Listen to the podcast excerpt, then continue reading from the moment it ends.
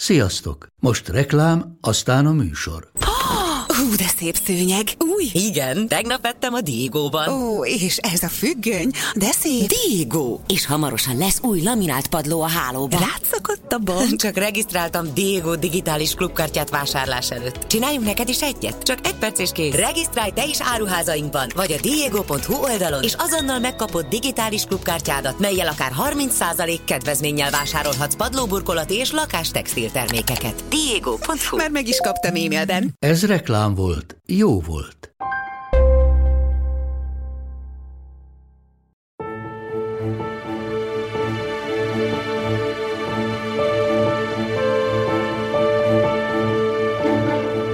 A világkiállítások az elmúlt 160 évben valami hasonló szerepet tölthettek be, mint az olimpiák. Egy esemény, ahol az országok megmutathatják magukat, és valószínűleg magukból a legjobbat. Vajon mi magyarok mire voltunk büszkék? Árulkodnak-e a magyar néplélek állapotáról a világkiállításokon bemutatott alkotások, találmányok, ipari termékek? Mit szerettünk volna reklámozni magunkból például a horti korszakban a két világháború között? És milyen sztorik, politikai vagy akár személyes indítatások fűződnek ezen tárgyakhoz? Ezt az epizódot a Magyar Nemzeti Múzeum szponzorálta. Ez az Itt és Akkor podcast. Rédai Gáborral és az idők nagy kalandoraival. Amit mondunk, az történelem.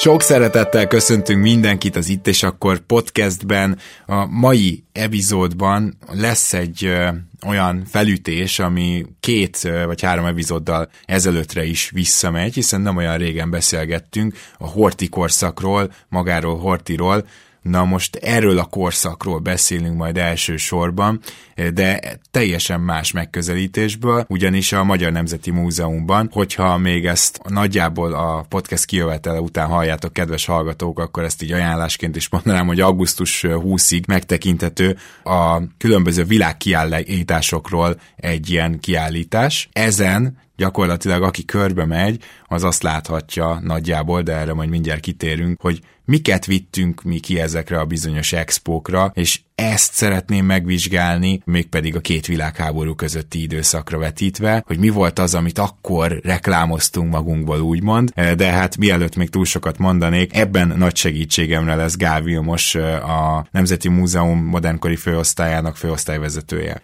Szervusz, köszönöm, hogy elfogadtad a meghívást. Én köszönöm, hogy meghívtatok azt hiszem, hogy kezdjük akkor magával a kiállítással. Tehát kiállítás a világ kiállításokról, és ez egy elég nagy időtől elfel, igaz? Igen, 170 évvel foglalkozunk. 1851-ben volt az első világkiállítás Londonban, és Dubajban az utolsó, ugye egy kicsit a Covid miatt elcsúszott, ugye 2020-ban lett volna, de 21-22-re csúszott, úgyhogy ez egy nagyjából 170 éves időtartam, és ezt mi szerettük volna tényleg bemutatni, ennek a teljes teljedelmét, időintervallumát, magyarok milyen alkotásokkal voltak jelen az egyes világkiállításokon, és de minden beletartozik, tehát nem csak iparművészet vagy képzővészet, természet, hanem bizony az ipari és akár élelmiszeripari produktumok is szerepelnek a kiállításban. Tehát ilyen nagyon nagy, igazából művedes történeti atlasz ez az egész kiállítás, megmutatja egyrészt, hogy a magyarok mit szerettek volna magukból megmutatni a külföldnek, a világnak, másrészt azt is megmutatja, hogy mi, mi maradt ebből fönn, tehát hogy a, milyen tradicionális cégek voltak azok, akik akár az 1870-es években már megjelentek világkiállításon, wow. és még mindig működnek, 40 év kommunizmus ellenére, vagy új, utána újra. Volt ugye néhánynál, ahol a név megváltozott egy 40-50 évre, de aztán visszavették Ja, a, mint a, a foci nevüket. csapatoknál, mi igen, a Kinicsi és társai. Igen, és a mai napig ezek virágoznak. Tehát ezt szerettük volna megmutatni, és egy hatalmas térben, ilyen 700 négyzetméteren több mint 500 tárgyal mutatjuk meg ezt a világot magunkból, és rengeteg kölcsönzéset, tehát itt nem csak a Nemzeti Múzeum anyaga látható, hanem számos más közgyűjtemény és magánszem személynek a tárgyai is felvonulnak. Ja, gondolom, hogy itt azért körül kellett nézni ezeknek a beszerzése, nem lehetett egy egyszerű kérdés. Szerintem, aki ma most a világkiállításokra gondol, biztos eszébe itt a legutóbbi, ahol például kiállítottunk egy tényleg grandiózus műalkotást, akin volt, aki szörnyűködött, volt, aki el, elámult, de az biztos, hogy ott már, ott már például azt lehetett érezni, hogy igen, a világkiállításnak azért van egy olyan szerepe, hogy itt most valami nagyot kell gurítani. Így indult ez a dolog, mert ha jól sejtem, akkor a leges legelején 170 éve talán még egy kicsit szűkebbek voltak a, a lehetőségek és a körök. Nagyon sokat változott a világkiállításokon való megjelenés ez alatt a 170 év alatt. Először még nem voltak például nemzeti pavilonok, hanem általában egy-egy óriási csarnok épült, például az első londoni a, a kristálypalota, Crystal Palace, aminek a neve például még egy foci csapat Na igen. nevében is mai, mai napig fönnmarad, illetve egy londoni kerület nevében, és akkor uh, igazából még, bár már országonként vettek részt, de még nem domborodott ki annyira nemzeti jelleg. Magyarán, például Magyarország is az elsőn, éppen az államiságunk ott a szabadságharc után eléggé bizonytalan volt, nem Magyarországként szerepelt, hanem igazából a kiállítók Magyarországról elmehettek. Tehát még a Herendi Manufaktúra saját szakállára, saját pénzén elment a világkiállításra. De ez a trend aztán megfordul, egyre inkább állami szervezésben mennek ki majd a cégek is, és ez már az 1860-as évektől így van, és ez vezet oda, hogy mondjuk 1900-ban már fölépül az első magyar nemzeti pavilon. Tehát az, az egy nagyon fontos választóvonal, 1900-tól van mondjuk úgy a nemzeti pavilonrendszer, amikortól Magyarország is arra törekszik, hogy ne csak ezekben a nagy csarnokokban, központi csarnokokban jelenjen meg, hanem egy saját önálló pavilont és egy saját önálló nemzeti kiállítást is megvalósítson, és tulajdonképpen ez egy országimázsépítő program is, főleg ugye 1867 a kiegyezést követően Magyarország újra fel akarja magát építeni, és ennek egy nagyon jó terepe a világkiállítás. Tehát, hogy oda elmegy Magyarország, és megmutatja, hogy éppen abban az évben hol tart iparban, művészetben, iparművészetben. Ennél nem lehetett jobbat kitalálni, mint a világkiállítások. Hát az biztos. Pont jó, hogy mondtad az országimás kérdését, mert nekem van egy ilyen teóriám, amivel majd szeretnék is foglalkozni itt ebben a műsorban később, később, hogy például az olimpia is egy kicsit háború helyett háború, úgymond nem erőfitoktatunk, de, de megmutatjuk. Azt hiszem, hogy a foci, mint legnépszerűbb sportek szintén csatlakozik ehhez a, a jelenséghez, és nyilvánvalóan a világkiállításnak is van egy hasonló ö, ö, vonzata, mint ahogy te is mondtad, hogy, hogy meg akarjuk mutatni, hogy hol tartunk, és nyilvánvalóan egy nagyobb ország máshogy áll ehhez, mint egy kisebb ország, de azért gondolom ez a kezdetek kezdetén inkább Európára korlátozódott, és ha jól sejtem, akkor eléggé egybecseng azzal, hogy a vasút megjelent, és hogy egyáltalán el lehetett oda menni, meg el lehetett oda szállítani, amit ki akartunk állítani. Igen, tulajdonképpen a vasút, illetve a vasúthálózatok bővülése az 1850-es évektől döntő fontosságú volt a világkiállítások életre jöttében, illetve megmaradásában, mert tulajdonképpen egy középosztálybeli család már megengedhette magának mondjuk az 1860-as évektől kezdve, hogy szépen mondjuk Pesten vonatra szállt, és két-három nap alatt Párizsba elment, és már nem volt olyan drága a közlekedés, gyorsabbá is vált. Hát azért ezt csak, hogy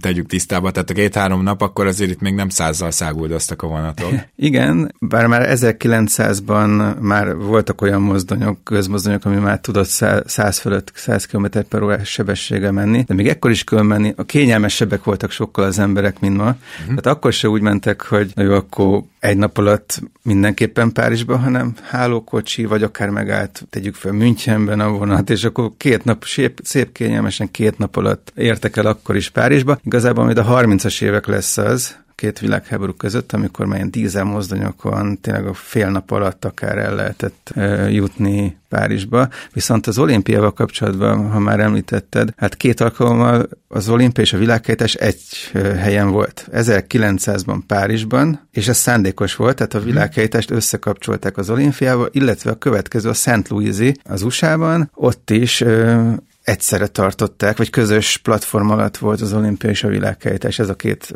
alkalom volt egyébként, különben nem volt sikeres, mert általában, vagy mind a két alkalommal így a világkiállítás ilyen mellékrendezvényeként szerepelt. Hát ugye 900-ban az volt a második, illetve igen, a Szent igen, igen, a harmadik, igen. tehát ez még nagyon az eleje. Igen.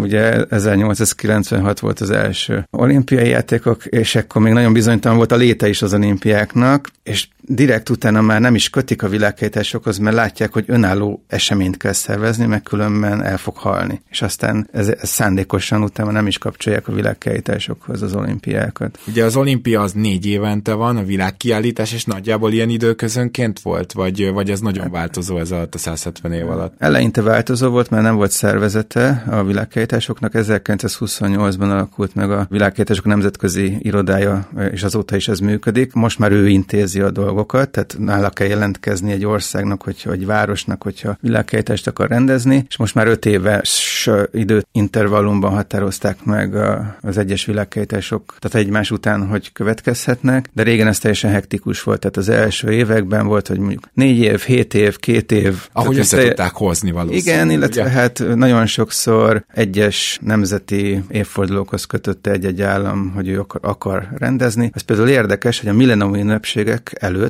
a magyar parlamentben még valahol 1890-es évek elején Felment. erős vita volt arról, hogy most világkiállítás legyen a millenniumi kiállítás, vagy pedig egy országos kiállítás, és az országos kiállítás győzött. Tehát ott majdnem mi magyarán, hogyha akartunk volna, akkor egy világkiállítás cím alatt rendezhettük volna meg a millenniumi kiállításunkat. Megjegyzem, szerintem volt akkora, tehát a, egy utólag ránézve a, és ismerve a többi világkiállítást, tehát területre, létszámra, ott a Városligetben hatalmas épületek épültek, teljesen egyenrangú lett volna a többi akkori világkiállítással ez a magyar. Ezt is jó tudni, meg azt hiszem, hogy azt is meg kell kérdeznem, hogy amennyire tudjuk, a magyarok minden világkiállításon ott voltak? Hát volt a kisebb, meg pont itt az első korszakban volt egy időszak, amikor tényleg egymásra épültek, volt, hogy Melbourneben is volt egy évvel, egy évvel később mondjuk Barcelonában vagy Brüsszelbe, és ezek kisebb méretű világkiállítások voltak, tehát a magyarok inkább a, ekkor tudatosan a nagyobb, fontosabb világkiállításokra mentek el, tehát magyarán válogatni is lehetett, Aha. az meg túlzás lett volna, hogy egy évente nagyon sok pénzt beleölni egy-egy világkiállításba, és a magyarok nagyon szerették például a párizsi világkiállításokat, abból volt különben a legtöbb összesen hat párizsi világkiállítás volt, és az európaiakat, bár megjelentünk az USA-ban is, tehát például St. Louisban, Philadelphiában, Chicagóban, ebben a századfordulós időben mi már ott voltunk, de azért az egy nehezebb, drágább hát az biztos, igen. Részvétel. Nyilván a hajó, akkor csak hajóval lehetett még eljutatni az árukat, kiállítási tárgyakat, tehát ez sokkal macerásabb dolog volt. Ha már itt tartunk az 1900-as évek elején, mert mindjárt akkor megvizsgálhatjuk azt az időszakot, amit most külön szeretnénk jobban gorcsó alá venni, szóval ekkor már pavilonok épültek, ugye? Igen, tehát a két világháború között az első világháború után volt egy nagy űr, és csak 1929-ben volt egy újabb világkétes. Különben pont a világháború, első világháború kitörésekor volt az utolsó, Szent, hmm. bocsánat, San Franciscóban, az 14-15-re esett, és utána volt egy majdnem 15 éves hiátus, és Barcelona 29, a magyarok azon már megjelennek. Ott nem volt önálló pavilonunk, mert nem, nem volt túl sok pénze az államnak, és ott kibéreltünk egy nagy csarnoknak egy részét. Viszont ha, bocsánat, azt... csak ha belegondolok a világválságba, akkor, akkor éppen valószínűleg senkit nem vetett fel a pénz. Igen, illetve ez még a világválság kitörése előtt indult a világhelytás, tehát nem ez volt a probléma, hanem ott a Magyarországnak éppen annyira nem ment jól, és ha jól emlékszem, ugye György Idénes volt az építész, és viszonylag kevés pénzt kapott a tervezésre, viszont egy olyan tervet tett le az asztalra ott Barcelonában, kimentek a kollégájával, és ott kezdtek el tervezni, mert annyira nem, annyira későn jelentkeztünk, és annyira nem volt idő, hogy nekik ott ki kellett menni, és ott tervezték meg a úgymond épületet. Azért mondom ilyen bizonytalanul, mert mondom, egy fél fél nagy csarnokot kibéreltek a magyarok, viszont a kapuzatát egy hatalmas toronnyal kívül hozzáépítettek, illetve a belső építészeti oh. részt is ők alakították ki, viszont a tervek annyira megtetszettek a spanyoloknak, a rendezőknek, hogy kifizették a külső homlokzat teljes árát, tehát a magyaroknak csak a belső térrel kellett, vagy azt kellett saját pénzből kihozni, tehát ez nagyjából a fele pénzt, azt a spanyolok állták, és tényleg egy gyönyörű, ilyen neoreneszánsz pártázatos kaputornyot építettek a magyarok, és egy ilyen nagyon szép kapuzatot hozzá, milyen Art Deco magyaros motivumokkal volt díszítve, és tényleg ahhoz képest, hogy ez egy ilyen félpavilonnak mondható csak, csodájára jártak ennek az épületnek, mert nagyon-nagyon jól eltalálták ezt a különleges ilyen kelet-európai feelinget, aha, aha. úgyhogy ez, ez nagyon sikeres volt ez a barcelonai magyar megjelenés emiatt is. Na de mondjuk ezek még ettől függetlenül pavilonok, amiket aztán elbontanak, nem? És utána viszont Brüsszelben volt 1935-ben, 37-ben ugyancsak Györgyi Dénes volt az építész, ott viszont külön magyar nemzeti pavilon épült mind a két helyszínen. Uh-huh. Viszont ezek tényleg, jól mondott, tehát könnyű szerkezetes technikával épültek már akkor is, szándékosan azért, hogy egyrészt olcsóbb legyen, másrészt már el kellett bontani. Tehát például Párizsban mindig az Eiffel-torony környezetében, a Marsmezőn, illetve a mai Trocadero Paruta környezetében voltak a pavilonok, és emiatt ott nyilvánvalóan fölépültek, mondjuk 37-ben volt ott világhelytás, 36 őszén elkezdték az építkezést, fölépültek egy fél év alatt, és utána októberben elkezdték lebontani őket. Tehát általában 6 hónapig tartott egy-egy világhelytás, és utána nagyon gyorsan el is bontják az épületeket. Igen, ez volt az egyik ilyen nagy ötletem, amikor megjelentek ilyen kidobható sátrak, hogy abban ilyen rendezvényverziót is kellene csinálni, és helikopterről ledobni, de azért mondjuk maradjunk annyiban, hogy ez nyilván nem volt ennyire egyszerű ezekben az időkben, viszont ezek a könnyű építőanyagok itt mit kell elképzelni? Hogy nézett ki egy ilyen pavilon mondjuk 29-ben, ami egy fél hát pavilon? Ki, amúgy kinézetre ezek teljesen, tehát a 29-est hagyjuk, mert az Igen, inkább a 35, 37-es ugye önálló épületek voltak, mind a kettő az akkori korszak Bauhaus stílusában. Aha. Azt tudom mondani, hogy mondjuk a 35-ös brüsszeli egy modern áruház épület, tehát hogy ránézünk, még kirakata is volt, ahol tudatosan a üveg mögött már a magyar termékek megjelennek, tehát tényleg mint egy áruház nézett ki. Ennél egy magasabb szintű volt a 37-es, mert ott viszont egy az egybe úgy nézett ki, mint egy templom. Oh. Sőt, nagyon közel vagyunk a Városmajori plébámia templomhoz, tulajdonképpen elképesztően hasonlít a két épület, illetve bizonyos részei a párizsi pavilonnak azok belettek utólag építve a Városmajoriba, ugyanis az üvegablakokat Árkai Nészteló Lili tervezte, azok megjelennek Párizsban, majd két-három évvel később épül fel a Városmajori templom, és ott ma is ezek az Árkai Nészteló Lili üvegablakok vannak betéve, hatalmasak különben, tehát ilyen óriási, több méter magas, gyönyörű ólomüvegablakokról beszélünk. Hát akkor most már könnyebb könnyebben el tudja bárki képzelni azt, hogy ez pontosan hogy nézett ki. Egyébként meg a kedves hallgatóknak mondanám, hogy a Városmajor utcában vagyunk most, a felvétel a Biton stúdióban készül. Akkor beszéljünk a 29-es kiállításról, mert engem ez nagyon érdekel, és szerintem a hallgatókat is, hogy mit akartunk mi megmutatni 29-ben magunkból. Ugye mégiscsak az volt a helyzet, hogy egy elképesztően elkeseredett ország vagy legalábbis én azt gondolom, hogy ilyen szempontból, amikor meg akarjuk mutatni, hogy mire vagyunk jók, akkor ez az elkeseredettség, ez még 29-ben ott kellett, hogy legyen, hiszen, hiszen elvesztettük ugye az országunk nagy részét, és ez a csalódottság, ez persze az egész politikát is arra sarkalta, akkor, hogy azért Hortiról jól tudjuk, hogy ő hosszú távon egy revízióra törekedett, arra, hogy visszaszerezzen területeket, Emellett viszont természetesen egy, egy jó arcunkat is kellett mutatni a világnak, legalábbis én így képzelem, hiszen a, a vesztes oldalon voltunk, meglettünk egyetlenül büntetve, ha más nem, akkor azt be kellett bizonyítanunk, hogy már pedig a magyarok még mindig nagyon jó feltalálók, jó művészek, és hát nyilván sokkal kevesebb feltaláló, és sokkal kevesebb művész találmányából és művéből válogathattunk, tehát azért ez egy nagy különbség mondjuk a 14-15-ös világkiállításhoz képest, hogy nem csak az ország lett kisebb, hanem a lakosság is. Igen, illetve tényleg a, az ország vagy az állam pénzügyi helyzete a századfordulón teljesen más volt, gyökeresen más volt. Tehát ott megengedhettük magunknak mondjuk azt, hogy Torinóban volt magyar pavilon 1911-ben, de ott Rómába tették a művészeti világhelytást, és ott is építettünk egy magyar pavilon. Ó, értem. Tehát ilyen léptékben volt tulajdonképpen a első világháború előtt Magyarország gazdaságilag, ugye kiegyezés és a első világháború között elképesztően nagy prosperitás ment végül Magyarország Magyarországon ipari mezőgazdasági területen tényleg volt pénze az államnak, és ez meg is látszott a világkeltési megjelenéseken. Ez egy kicsit máshogy volt a két világháború között. És érdekes, hogy az első kettőn, tehát Barcelonában és Brüsszelben még annyira nem jelent meg ez a fajta revizionizmus, vagy az irredentizmus, mondjuk úgy szelleme, uh-huh. viszont Párizsban elképesztően Ez a 37, ugye? A 37 az nagyon meg, meg, megfordul ilyen szempontból. Tehát azt lehet mondani, hogy Barcelona és Brüsszel elsősorban képzőművészet és iparművészeti alkotások jelennek meg, nagyon magas szintű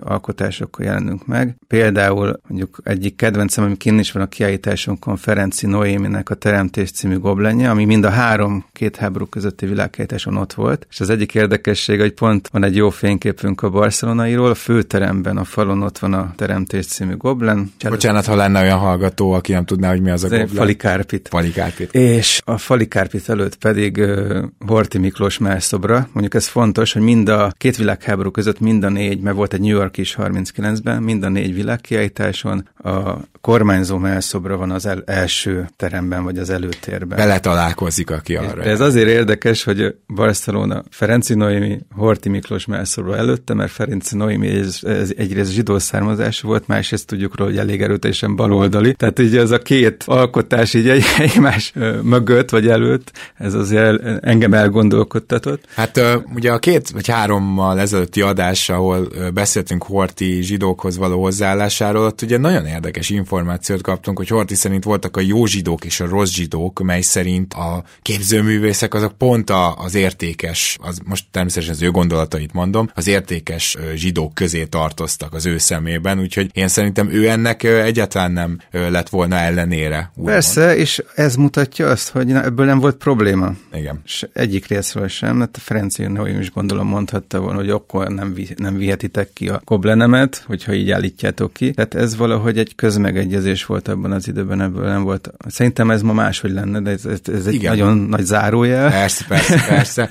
De egyébként volt itt ilyen szempontból, de mennyire látott rá a politika? Például maga Horti tudta, hogy az ő szobra kimegy, tehát tudjuk, tudjuk, hogy volt ellenőrzése a fölött, hogy pontosan mit állítunk? Ö, nem volt ilyen direkt ellenőrzés, tehát nem, nem ő mondta, hogy most akkor kell egy más szobor, de ez egy bevett szokás volt, tehát mondjuk a előző világkétásokon meg Ferenc József, meg esetleg még akár Sisi melszobra is kint, kint oh, volt. Értem, tehát akkor az tehát egy... ez egy ilyen bevett, és nem csak Magyarországon, hanem más országok is egy, ezt így csinálták, ez egy szokás volt igazából. Ez aztán megváltozik, tehát a második világháború után ez már egyáltalán nem lesz trendi, de még itt a két világháború között. Gondoljunk már bele, hogy micsoda melszobrokba, meg stb. sétálhattunk bele, hogy Franco, meg szóval, hogy így ha valaki hát rendesen körbe el egy ilyen világkiállítás. Meg akár Mussolini. Szolini, igen, tehát hogy azért az, az ilyen szempontból nem lehetett semmi. Tehát akkor nálunk ugye ott volt Horti szobra, ott volt ez a, ez a fali kárpic. És é... aztán még rengeteg festmény és szobor, tehát nekem az egyik kedvencem az is kint van a mi kiállításunkon, a Szent György Istvánnak a Bigéző fiú című szobra, ami egy Deco korabeli nagyon-nagyon jó szobor szerintem. Ő is több díjat nyert, több világkiállításon is ott volt. Ripróna is volt kint ezen a barcelonai kiállításon, de akár Tornyai János nevét is mondhatom. Tehát akkor nagyon nagy festőink is. És több nagy díjat, aranyérmet is nyertek a szobrok is, a festmények is, de ugyanígy az iparművészet is megjelent, a szokás szerint a zsolnai herendi gyár az mindig ott van, de művészek is megjelennek a két világháború között, tehát Gádor Istvántól Gorka Gézáig, Kovács Margitig, aki ugye inkább a 50-es, 60-es, 70-es évekből ismerjük kommunista időszakból, de ő már a, nagyon fiatalon, már a 30-as években is letette a névjegyét több világkiállításon, elsősorban mondjuk a Párizsi 37-esen egy elképesztő pannót készített Budapest Budapest a Duna királynője volt a címe, különben ma is megvan ez a pannó, csak sajnos egy magángyűjtőnél, úgyhogy ezt például nem tudtuk Érte. kiállítani. Mondjuk nehéz is lett volna, mert 6 méter szer 4 méteres, úgyhogy elég macerás lett volna. Lassan a Pesti körképnél tartunk.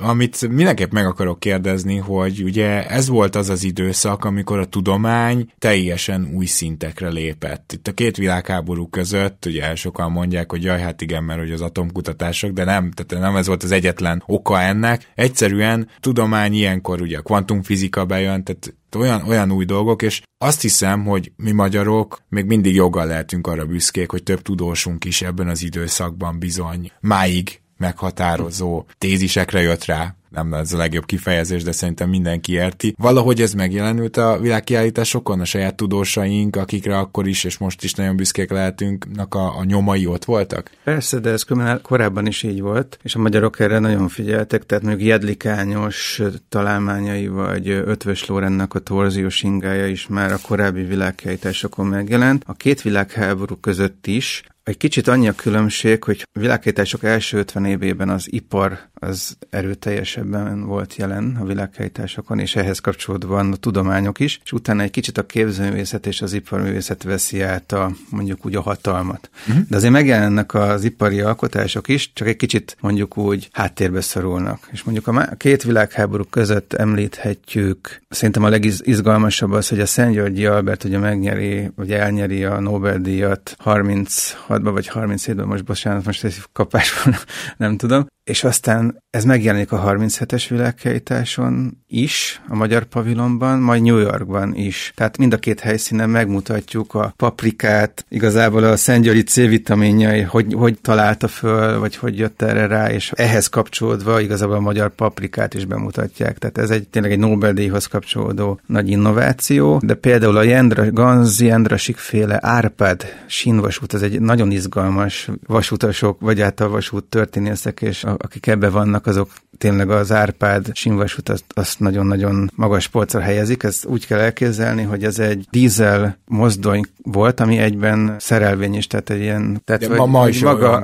ilyen, ilyen Igen, tehát hogy egyszerre, tehát egyszerre volt motorkocsi is, tehát a mozdony egybeépítve magával a szerelvénnyel. Amúgy dizájn is nagyon jól sikerült, tehát egy elképesztő, néhány van még belőle Magyarországon. Nagyon jól néz ki ez az Árpád sinvasút, és ezt bemutatják Párizsban 1937-ben, és ez aztán nagy karriert fut be külföldön, tehát például Csillébe viszi a Ganz, és ott állítanak majd általában hegyekben nagyon jó szolgáltat tesz, ahol nehéz kiépíteni a vasúti pályákat, illetve mondjuk a villamos felsővezetékeket, és ezek a dízel mozdonyok, amik egyben maga a szerelvény is, egy, egy darab ilyen, tehát nem kell egy hosszú szerelvényt összekapcsolni, hanem egy darabban elfért mondjuk 50-60-70 ember, és abból elég egy darab egy kisebb vonalra. Tehát ja. nagyon gazdaságosan lehetett üzemeltetni őket, és ez nemzetközi szinten is egy nagy truváj volt. De ugyanígy mondjuk a lángépgyárnak is megjelent egy, viszont ott arról volt szó, hogy egy dízel és villamos mozdony, Hoppá. ami megint csak arra szolgál, vagy azért nagyon jó, hogyha éppen nincs villamos hálózat kiépítve, addig elmegy villamos mozdonyként, majd leszedi az áramszedőjét, és tovább egy dízel hát, motorral. Konkrétan a plug-in hibridek jutottak eszembe a mai Hát ez ma is van ilyen. Hát, hogy ugye... És ezt már a 30-as vagy 20-as években ezt már a lángépgyár kitalálja, és ezeket, ezt Barcelonában mutatják be például ezt a magyar mozdony, de a élelmiszeripar is nagyon erősen megjelenik itt a két világháború között, például a Globus konzervek, amit ma is eszünk, Igen. meg ismerünk, azok már akkor nemzetközi híret tesznek szer, de a pixalámi például, vagy a gyulai kolbász megjelenik, tehát olyan élelmiszeripari termékek jelennek meg, amik ma is megvannak, és ezeket akkor bemutatjuk a világkiállításokon. Említetted, hogy a 37-es Párizsi világkiállításon már a revíziós törekvések is valahogy megjelentek. Hogyan? Igen, hát a, a leglényegesebb, hogy tényleg egy templomépületet tervezett ekkor Györgyi Dénes. Hát konkrétan volt egy 38 méter magas templomtorony, ami különben a tetején egy ilyen üveges kialakítást kapott, amit a Philips csinált, és az éjszaka világított, tehát nagyon messziről is, és a Hang Hungry felirat ott volt a tornyon, tehát mindenhonnan lehetett látni magyar,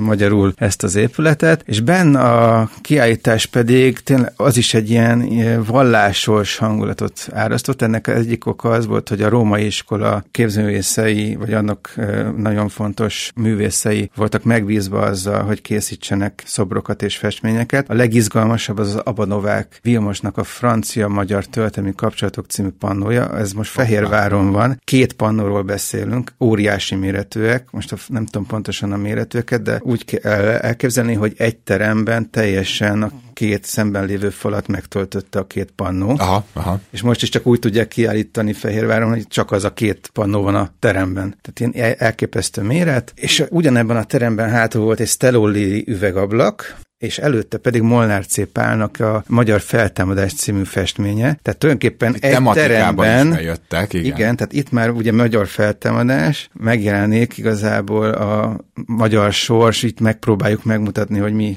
mit veszítettünk Trianonnál, és hogy most ugye a területeink nagy részét, meg a magyarság jó részét elveszítettük területveszteségekkel, és ezt megpróbálják egy kicsit ilyen vallásos, nem teljesen direkt, hanem inkább egy ilyen vallásos köntösben bemutatni tudatosan. De az is érdekes, hogy mondjuk ugyanott van Óman Bélának a keresztelőmedencéje, vagy a feszülete, tehát ezeket is tudatosan képzőművészekre bízták, hogy ezeket megcsinálják, és ezek ma is megvannak. Az egyik Balatonbogláron a feszület, a keresztelőmedence egy csornai templom van, tehát hogy ezek nem tűnnek el, ezek az alkotások, hanem ma is akár ott vannak egy-egy templomban, ahogy a Sterolidi üvegablakai itt a Városmajorban. Tehát ezt nagyon szépen, amikor hazajön ez az anyag, ezt újra hasznosítjuk mondjuk így, csúnya szóval, és akár napjainkban is láthatjuk. Ez azért ezeket. is elképesztő, mert szintén ugye a Hort is epizód egyik ilyen tanulsága volt, hogy 37-től azért, hogy is mondjam, csak a olyan intézkedések jöttek be Magyarországon is, ami akkor már a náci Németország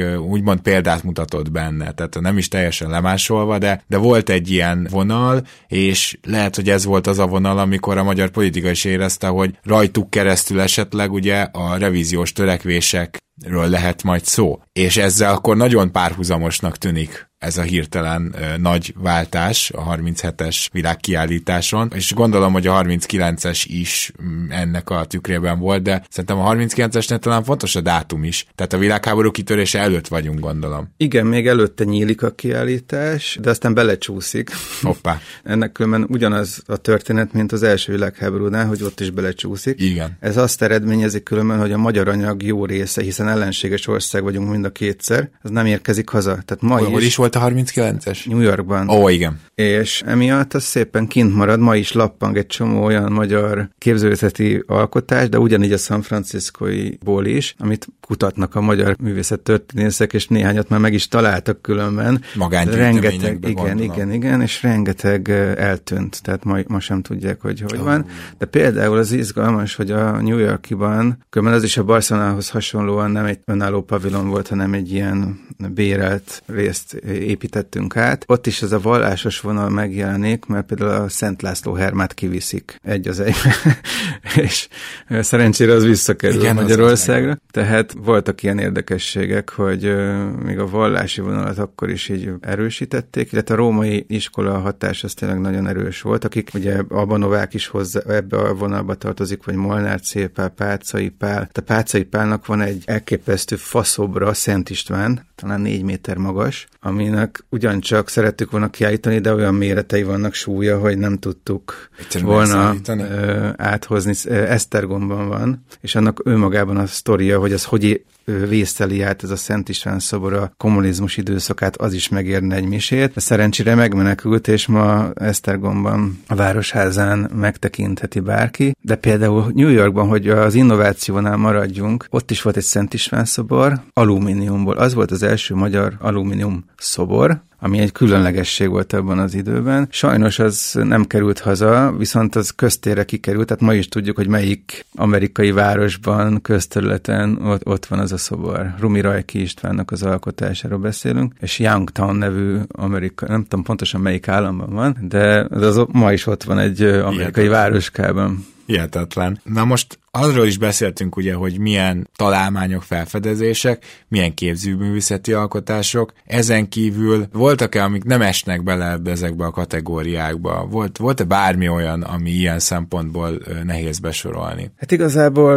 Már mondjuk említetted például a pixalámit, tehát igen, szerintem igen, a, a, azért valamennyire ide tartozik. Igen, tehát az, Ezekre az sokáig jelen... büszkék voltunk, nem? Persze. Tehát, hogy az nem, nem egy világkiállításnak a tárgya volt. Tehát a Pixel először 1873-ban jelenik meg Bécsben. Tehát ez ilyen régi cég. Igen. Akkor még Picármin nevezetű szegedi szalámi és paprika malom tulajdonos volt az, aki először vitt szalámit Bécsbe a Bécsi világkeltásra, és szépen ők ezt tradicionálisan aztán a későbbi világkeltásokon is megjelennek. Akkor, az egyik... Bo- bocs, hogy beleszólok, csak hogy most is úgy képzelem, hogy a mostani világkiállításokon is mondjuk a Túró Rudit mindig kivisszük, vagy a Pixelámit mindig kivisszük, vagy ennek már vége? Ennek vége 1958-tól megszűnik ez a dolog, tehát a Aha. cégek nem igazán jelenhetnek meg világkeltáson, hanem most már tényleg csak arról van szó, hogy nemzeti pavilon, és ahhoz kapcsolódóan általában egy olyan kiállítást rendez a pavilonban az adott ország, ami a világkeltás mottojához kapcsolódik. Tehát minden világkeltásnak van egy üzenete, mondjuk így, mm. egy jelmondata, és általában ehhez kapcsolódóan alkalmazkodnak az egyes országok is, hogy mit akarnak megmutatni. Mondjuk például Dubajban a magyarok a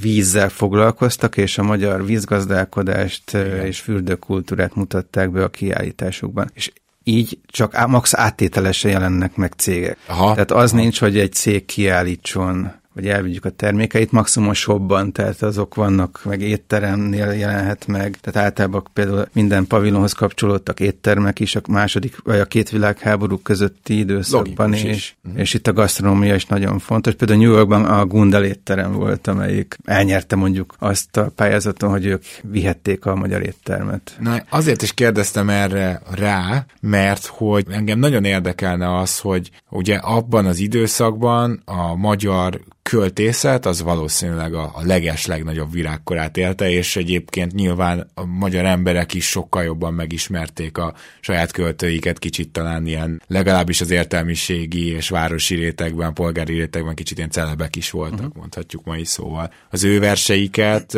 valahogy lefordítva például ez megjelenhetette, mert hogy azért volt, volt mire büszkének lennünk akkor. Jó, jó az irány, de, de amúgy nem volt ez jellemző, de például 19 1900-ban a Perzsi világításon Jókai megjelenik, mert személyesen is elviszik, kiviszik az idős Jókait, ugyanis Jókait különben Nyugat-Európában, sőt az USA-ban is nagyon előszeretette fordították, főleg ilyen ifjúsági irodalom szinten. Tehát ő egy nemzetközileg is ismert író volt, és őt körbehordozták idézőjelbe Párizsba 1900-ban, hogy itt van Jókai, és hát Aha. ő a nagy magyar író. A két világháború között mondjuk például az, az izgalmas, hogy a budai György, aki egy grafikus volt, ő könyvekhez csinált illusztrációkat, és ezekkel nyert nagy díjat Párizsban, méghozzá az egyik az a székely népbaladákhoz kapcsolódó könyvnek a metszetei voltak. És ugye ez is az erőteljesen kapcsolódik a szép irodalomhoz, tehát maga a könyv jelent meg, és abban a fametzetei Budai Györgynek itt a világkiállításon. Ez ugye a képzőművészet és a irodalom határterülete.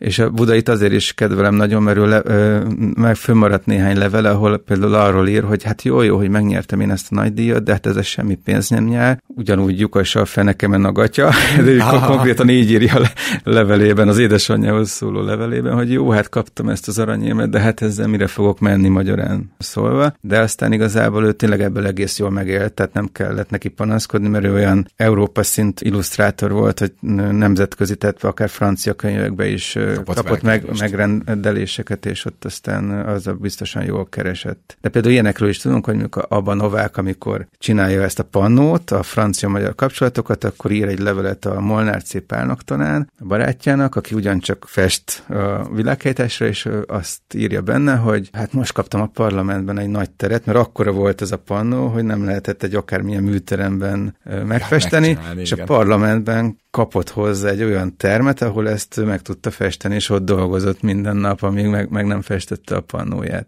Egészen extra. Zárásként szeretnék egy olyan kérdést feltenni, ahol nem csak mint szakértő kérem ki a véleményedet, így, hogy te foglalkoztál a világ kiállításokkal, láttad, hogy mikor mi történt. Mit, mit gondolsz, te tényleg mi a véleményed arról, hogyha azt mondjuk, hogy a világkiállítások igenis megjelenítik a magyar néplélek aktuális állapotát, vagy a magyarok hangulatát, azon belül tényleg értem azt, hogy mikor mit lehetett, mikor mi volt a menőbb, úgymond, tehát először az ipari termékek. Nyilván, nyilván ez is befolyásolta, hogy mit viszünk ki, de mennyire befolyásolta azt, hogy milyen állapotban voltunk szerinted, ez egy jó látkép, és aki elmegy mondjuk a kiállításra a Magyar Nemzeti Múzeumban most, az látképet kap a magyar néplélek bizonyos metszeteiről, állapotairól? Hát jó nehezet kérdeztél, szerintem. Részben igen, de mivel ugye a, mondjuk ugye a felső tejszint, vagy tejfölt szeretnénk megmutatni. Jó, értem, persze. Magunkból, tehát a legmagasabb művészetet, a legjobb trendeket, a legjobb ipari alkotásokat, ezért nyilvánvalóan ez igazából így visszatekintve látszik bizonyítani nekem is, hogy, te, hogy mondjuk kivittünk egy munkácsa vagy egy Csók István képet, hogy az időtálló, tehát hogy a, a festőink, tehát hogy jó volt magyarán a zsűrizés, mert általában előzsűrizések is voltak, és nem csak képzőművészetben, hanem akár ipari produktumoknál is, tehát hogy tudatos volt a felkészülés az állam részéről, és gagyit nem lehetett kivinni. Tehát, és éppen ezért látszik az, hogy itt a trendi márkák, amik még ma is élnek, azok folyamatosan ekkor is kint voltak, mert látszott, hogy azt viszik ki, amiről tudják, hogy jó, hogy magas minőséget képvisel. És emiatt nyilván nem tudunk megmutatni mindent mondjuk úgy alulról, vagy az alsó szinteken, és erre jó példa mondjuk egy 35-ös brüsszeli magyar imásfilm, egy nagyon korai imásfilm, a Magyar Falu, tehát ott is én ezt végignéztem ezt a filmet, és mai szemmel már hát egy kicsit inkább nevetségesnek tűnik, Aha. Mert egy ilyen beöltöztetett névviseletes, mondjuk úgy ilyen, tényleg ez a folklór egy skanzenben fölvéve nagyjából. Értem. E, ilyen volt ez a film,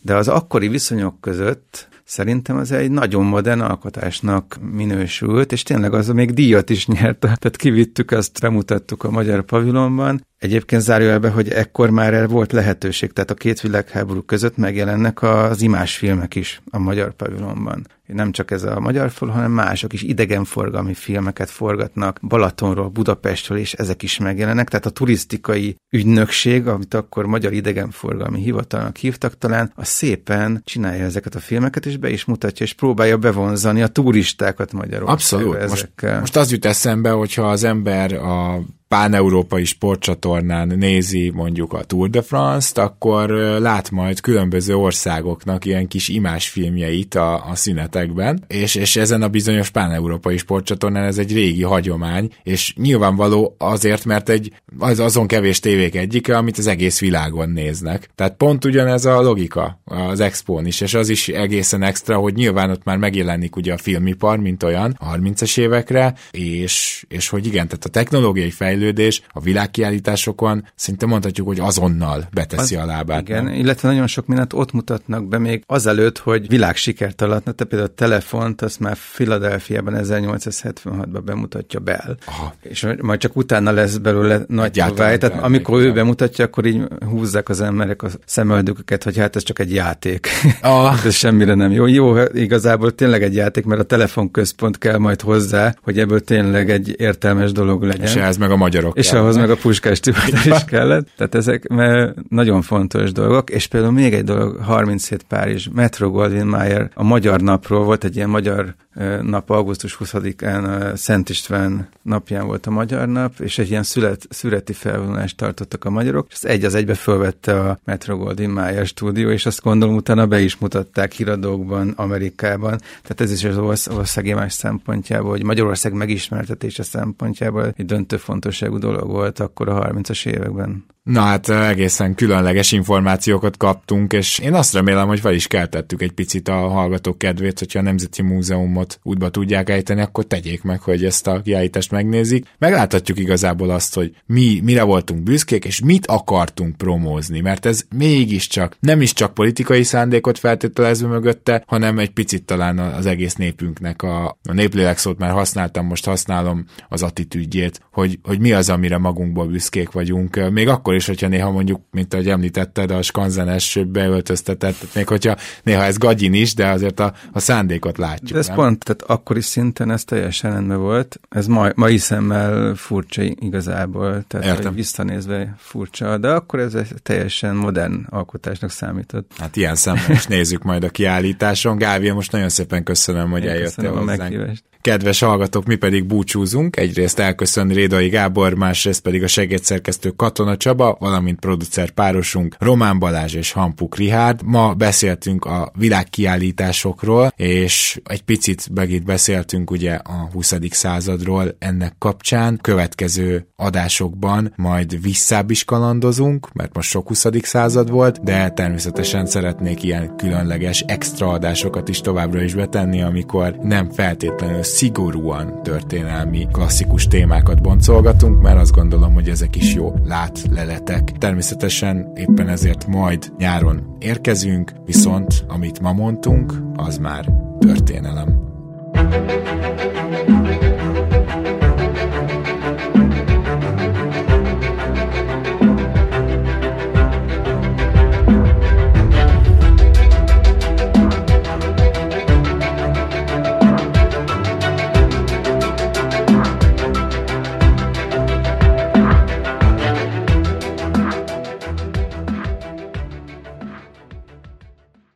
Ha más podcastekre is kíváncsi vagy, hallgassd meg a Béton műsor ajánlóját.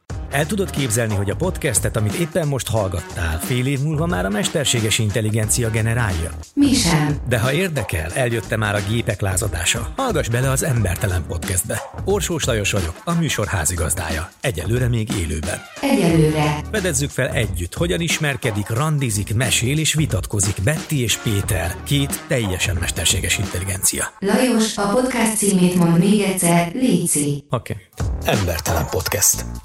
Ez egy Béton podcast.